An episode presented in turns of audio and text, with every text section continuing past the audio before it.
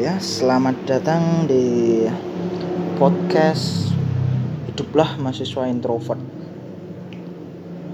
Ah, Gak tahu, cuma aku ya hari ini cuma pengen eh, membacakan cerpen. Ya, mungkin cerpen karyaku sendiri. Tapi mungkin eh, besok podcastnya pun aku juga akan membacakan beberapa cerpen yang aku punya eh, di perpustakaan pribadiku yang mungkin ukurannya hanya sebuah lemari kecil. Hei, baiklah, akan ya membacakan sebuah cerpen karyaku sendiri yang alhamdulillah pernah masuk eh, nominasi lomba Eh, berjudul Kunang-kunang Bukit Cahaya.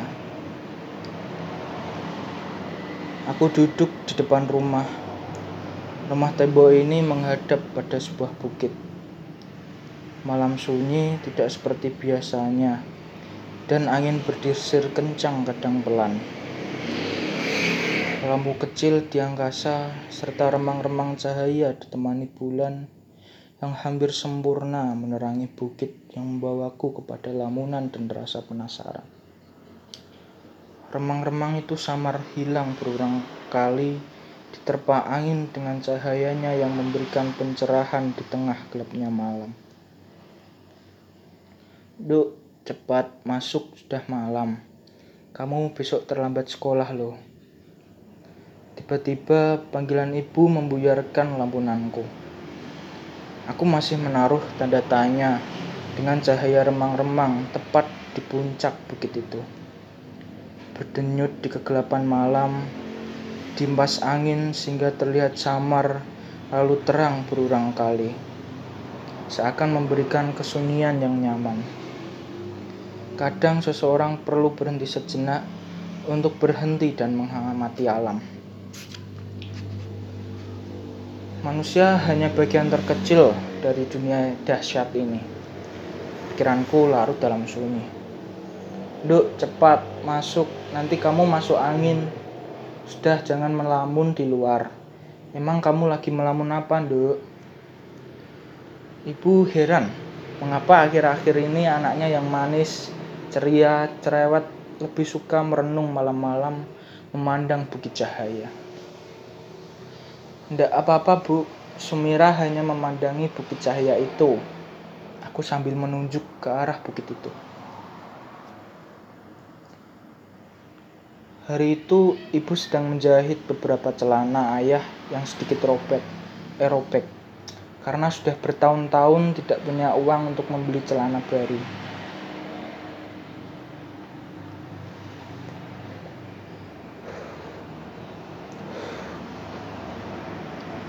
Sambil aku membuatkan ibu secangkir teh, aku juga memandang ibu yang sedikit lelah menjahit dua celana itu. Kemudian aku bertanya-tanya tentang cerita tentang Bukit Cahaya.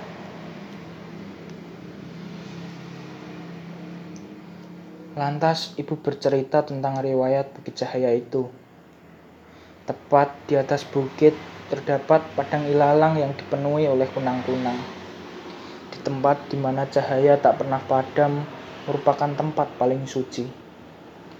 Dari mulut-mulut warga desa bahwa besok akan datang anak-anak Bukit Cahaya turun dan menari-nari.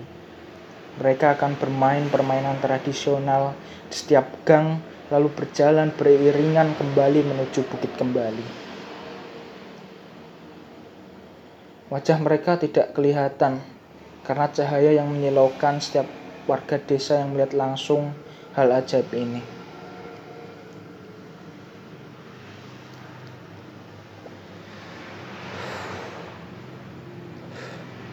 Anak-anak Bukit Cahaya seumuran atau lebih muda dari Sumirah.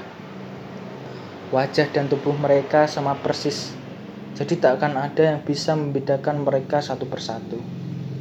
Tak ada yang tahu pasti asal-usul dari mana anak Bukit Cahaya ini muncul dan mereka bisa muncul kapan saja. Tapi satu hal pasti, Di atas bukit sana ada tempat di mana suarga loka berada. Lalu, apa yang terjadi setelah itu, Bu? Sumirah menyimaknya dengan serius. Mungkin besok saja, ini sudah larut malam, nanti kamu terlambat sekolah. Suara datar ibu yang sedikit menegas membuatku mau tak mau beranjak ke kamar dan melanjutkan tidur. Benar saja, setelah senja usai dan malam menyergap, orang-orang sudah berkumpul di depan rumah mereka menyaksikan anak-anak Bukit itu menari-nari. Seperti tidak ada beban hidup yang harus ditanggung. Cahaya mereka keemasan dan kehijau-hijauan, beriringan bergandeng tangan menyusuri setiap gang kota, hutan kota, alun-alun serta jalan raya. Sekejap kota menjadi terang emas dan kehijau-hijauan. Aku mengikuti beberapa warga mengikuti anak-anak Bukit Cahaya itu. Aku sangat gembira melihat mereka. Beberapa orang menggunakan kacamata hitam untuk melihat pemandangan yang jarang sekali karena cahaya dari tubuh mereka yang terlalu terang. Turis-turis mengabadikan setiap momen dengan kameranya. Setiap televisi menyiarkan berita munculnya anak-anak Bukit Cahaya ini. Tak seorang pun berani menyentuh atau memegang anak-anak Bukit Cahaya ini. Karena peristiwa satu tahun lalu. Di mana ada suami istri yang sudah lima tahun menikah dan tidak kunjung dikarunai seorang bayi Kemudian sang istri meminta suaminya untuk mengadopsi satu saja anak dari Bukit Cahaya itu. Tapi apa yang terjadi? Mereka berdua hilang lenyap saat orang-orang asik melihat anak-anak Bukit Cahaya. Tiba-tiba tubuh mereka berubah menjadi kunang-kunang yang mengiringi anak-anak Bukit Cahaya menari dan bermain melewati setiap sudut kota. Semua orang terpesona dengan fenomena ini, sementara orang-orang sibuk mengamati dan mengabadikan anak-anak Bukit Cahaya. Orang-orang berkumpul, ada pula yang menahan anak mereka untuk mendekat sambil mendekap anak-anak mereka. Bahkan akan mengikat anak mereka di kursi lalu mengunci anak-anak mereka di dalam kamar. Jangan sampai anak kalian mendekat atau didekati anak-anak Bukit Cahaya. Teriak seorang bapak di tengah kerumunan orang melihat anak-anak Bukit Cahaya. Anak-anak Bukit Cahaya selalu menghipnotis anak-anak untuk ikut dengan mereka. Anak buangan, anak jalanan, dan anak rumahan sekalipun jika mereka sudah merasakan bahagianya anak-anak Bukit Cahaya, sekejap mereka dihipnotis, ikut menari dan bermain hingga kembali ke Bukit Cahaya. Konon, anak-anak Bukit Cahaya akan mengambil anak yang merasa resah, sedih dengan kehidupan mereka. Mereka juga akan mengambil beberapa anak yang asal muasalnya dari Bukit Cahaya. Di kota ini banyak anak-anak adopsi yang berasal dari Bukit Cahaya sendiri. Banyak juga yang membuang bayi atau janin di Bukit Cahaya agar makhluk kecil ini abadi lalu diadopsi orang lain yang meminta di bukit itu.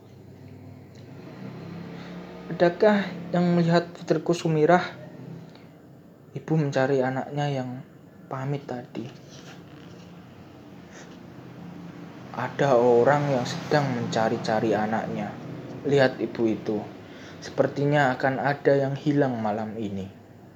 Mungkin dia bukan ya hanya perdebatan beberapa orang sekitar peristiwa malam itu. Aku ikut bermain menari mengikuti anak-anak Bukit Cahaya itu. Sumirah, berhenti. Ibu terus memanggil namaku, tapi seakan semua hal hanya tentang keba kebahagiaan abadi yang disungguhkan anak-anak Bukit Cahaya itu. Ibu terus berlari mengikutiku tapi aku tak sadar jika ibu yang kucinta ku sayang ada di sana. Ibu yang merasa putus asa karena tak sanggup lagi berlari menjemputku akhirnya tertunduk. Ya Tuhan, jika ini yang terbaik, maka aku tidak bisa mencegahnya. Ibu pulang, lalu duduk di mejanya sambil berpasah merenung.